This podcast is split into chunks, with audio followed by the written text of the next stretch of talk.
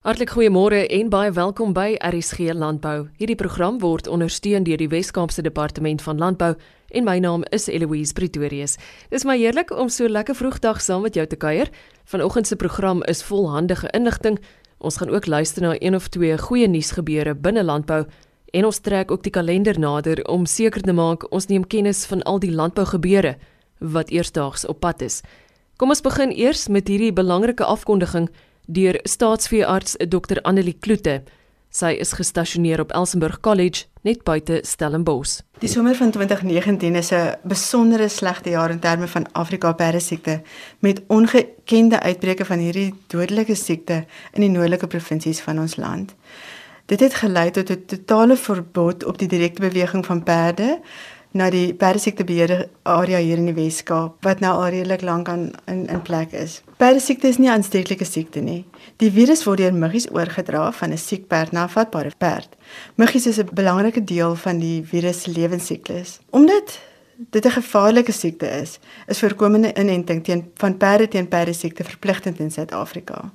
Die geregistreerde perdesiekte-enstof in Suid-Afrika is 'n verswakte lewende virus-enstof wat die muggies kan besmet. Ons en perde dis verkieslik in die wintermaande as daar nie meer muggies teenwoordig is nie. En hier in die Wes-Kaap is ons perde siekte in ons perde siekte vrye sone en die opnamesone is dit gewoonlik slegs toelaatbaar met toestemming deur die staatsveearts tot einde Oktober. As enige van ons boere dalk ekstra inligting nodig het, daar's 'n baie oulike webwerf en ek gee graag die adres: www.myhorse.org www.rsg.za. En daar is ook 'n sentrale telefoonnommer 021 001 4363. Dit dan Dr. Anlie Kloete, sy is staatsveearts en gestasioneer op Elsenburg College. Onthou om www.elsenburg.com te besoek vir meer inligting oor Afrika perdesiekte.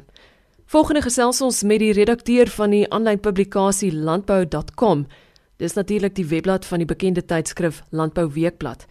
En volgens Alani Janneke bly dit 'n voorreg om so gereeld in aanraking te kom met die boere in ons land. En daar was onlangs ook 'n hele paar stories wat gesorg het vir 'n riem onder die hart.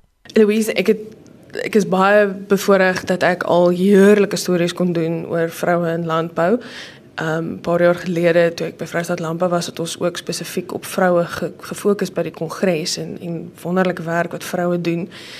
En in die afgelope jaar is daar twee vroue wat ek nou spesifiek nou onmiddellik vinnig aan kan dink wat um my regtig aangegryp het hulle passie waarmee hulle 'n krisis aangepak het in hulle gemeenskap en uh, ek wys hier nou spesifiek na Esther Obermeyer en uh, Sibyl Visagie. Hulle is albei vrouens wat betrokke is by Save the Sheep Dis 'n projek wat hulle begin het op Sutherland om die boere by te staan om om deur die droogte te probeer kom waar hierdie vrouens skapies begin brei het.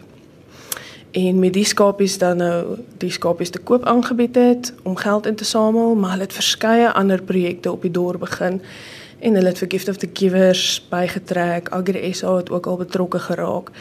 Uh waar hulle net saamwerk om te probeer om die boere by te staan om om vragte voer aangery te kry om die mense in die gemeenskap opgelig te kry as ek dit sou kan stel. Ehm um, en hulle gaan onverpoost voort met hulle werk nou al vir meer as 'n jaar.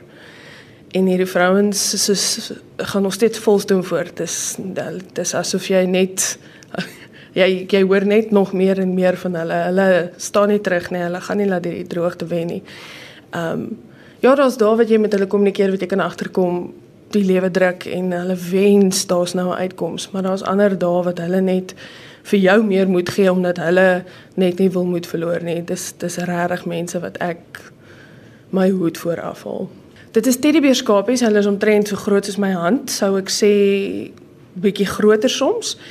Hulle het al bestellings geneem van verskeie groeperings af, so hulle het al skapies gebrei wat soos bikers lyk like, of skapies gebrei wat ballerinas is of Russiese skapies gebrei of boere skapies gebrei of braai skapies gebrei.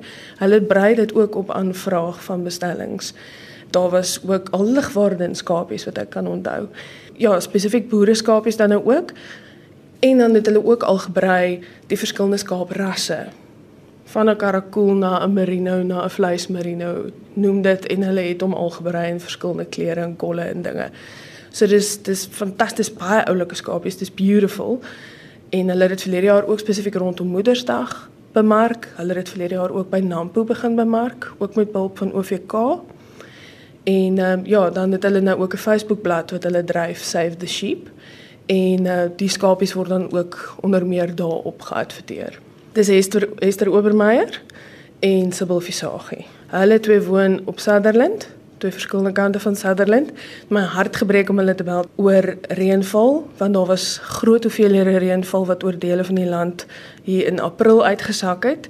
Toe moet hulle vir my sê dat daar op twee plase hier rondom 120 mm geval het en dan in die res van die distrik tussen 3 en 11 mm. En dan sal mense daar wat al 7, 8 jaar lank wag vir goeie reën. So, hulle hou jou, hulle hou jou saam met hulle op jou knieë. Die boere natuurlik wat koring plant in die Wes-Vrystaat omdat hulle met hierdie aprilreën 'n uitkoms gesien het, is net so 'n riem onder die hart. Hulle weet nie wat se reën kom of kom nie, maar hierdie manne het besluit hulle gaan nou koring plant want hulle het 'n kans. Dit is dit is ek het ook nou onlangs met 'n boer gesels wat ehm um, hy was so opgewonde na die goeie reën in die in die Vrystaat in April oor Paasnaweek en hy was hy was bedruk voorheen, maar hy het ek van vra hoe gaan dit? Hoe voel hy? Dis hy so positief. Ek Maak nie saak of ek ondergemiddeld of gemiddelde reën kry vir die volgende 4 jaar gaan ek goeie oeste afhaal. Dis altyd lekker om sulke stories te doen. Dis altyd lekker om met sulke manne te gesels en te hoor hoe die boere letterlik hulle gemoed lig saam met die reën.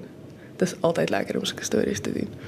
Op 'n persoonlike vlak vir my dink ek ons 100 jaar viering by Lampe Weekblad is staan regtig vir my uit vir 2019. Dit is vir ons 'n uh, regtig 'n lekker riem onder die hart. Ehm um, en dis lekker om deel te wees van 'n totale diverse span en 'n en 'n sinergie tussen die verskeie publikasies wat saamwerk vir as deel van Landbou Weekblad. Uh dis 'n regte hoogtepunt op hierdie stadium op my kalender vir, vir jare wat gekom het en dalk nog 'n paar jare vorentoe. Dit's baie lekker om deel te wees van 'n publikasie wat al so lank sy sy skoene kan vol staan. Nie nie vir geprinte media is dit definitief nie die maklikste tyd nie en dis nou nogals regtig 'n voorreg om by 'n publikasie te wees wat nou nog sy tekkies aan het. Hy het nou nie hy het nog nie sy nog nie sy pantoffels aangetrek nie, hy het nog sy hardloop tekkies aan. Sy sê Rina Boucher van Pretoria het ook gesorg vir 'n heerlike landbou storie in onlangse tye. Sy en haar man het saam 'n paar jaar gelede 'n kaas 'n butiek kaasmakery begin in Gauteng, net buite Pretoria. Hulle het nou onlangs weggestap met die kaasproduk van die jaar by die suiwelkampioenskappe. Hulle het dit as 'n aftreeprojek begin om hulle ekstra inkomste aan te vul en Marina en Norman is besig om nou stof op te skop op hulle ou dag as jy dan nou so wil in die kaasbedryf. Hulle is nou in Rina is net so inspirasie. Hulle is hulle is regtig, hulle is net daar buite Pretoria. Ek het die, ek het 'n paar jaar terug by hulle gaan kuier en hulle het ook al die landbeskrywers Suid-Afrika se boer van die jaar vir die Gauteng prys gewen 2 of 3 jaar gelede, 3 jaar gelede ja. Verlede jaar het hulle 'n hele paar pryse gewen by die suiwelkampioenskappe, maar hierdie jaar het hulle met die suiwelproduk van die jaar wegstap vir 'n kaas genaamd St. Francis van Assisi, plaaslike produk. Kan jy glo dis ook al amper tyd om weer vere reg te skud vir vanjaar se Nampo Weskaap? Uh Nampo Kaap lê voor in September hierdie jaar. Dit sal die tweede Nampo Kaap wees. Verlede jaar weet ek hierdie organiseringskomitee gehoop om 10000 mense daar te kry en toe het hulle byna 20000 mense daar gehad. So die verwag die verwagtinge oor die algemeen is groot vir Nampo Kaap hierdie jaar in September by Bredasdorp dat dit dieselfde afmetings dalk later gaan kan afneem as Nampo Nasionaal. En dis natuurlik 'n fantastiese tyd om dan ook in die Oeverberg rond te beweeg. Dit is so pragtig. Dan kan jy saam met die boere bly raak oor dit wat hulle dalk later gaan stroop. So gesels redakteur van die webblad landbou.com, dis ook die aanlyn been van die tydskrif Landbou Weekblad.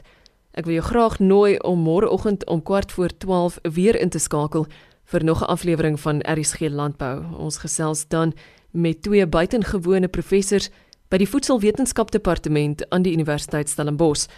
Ons hoor by hulle watter onlangse navorsing op rooibos tee gedoen is en hulle deel ook 'n hele paar interessante feite oor hierdie eg Suid-Afrikaanse produk. Mag jou Vrydag op 'n hoë noot begin in die geselskap van RSG op 100 tot 104. Ek's Eloise Pretorius en ek sien daarna uit om môre weer saam met jou te kuier. Groete.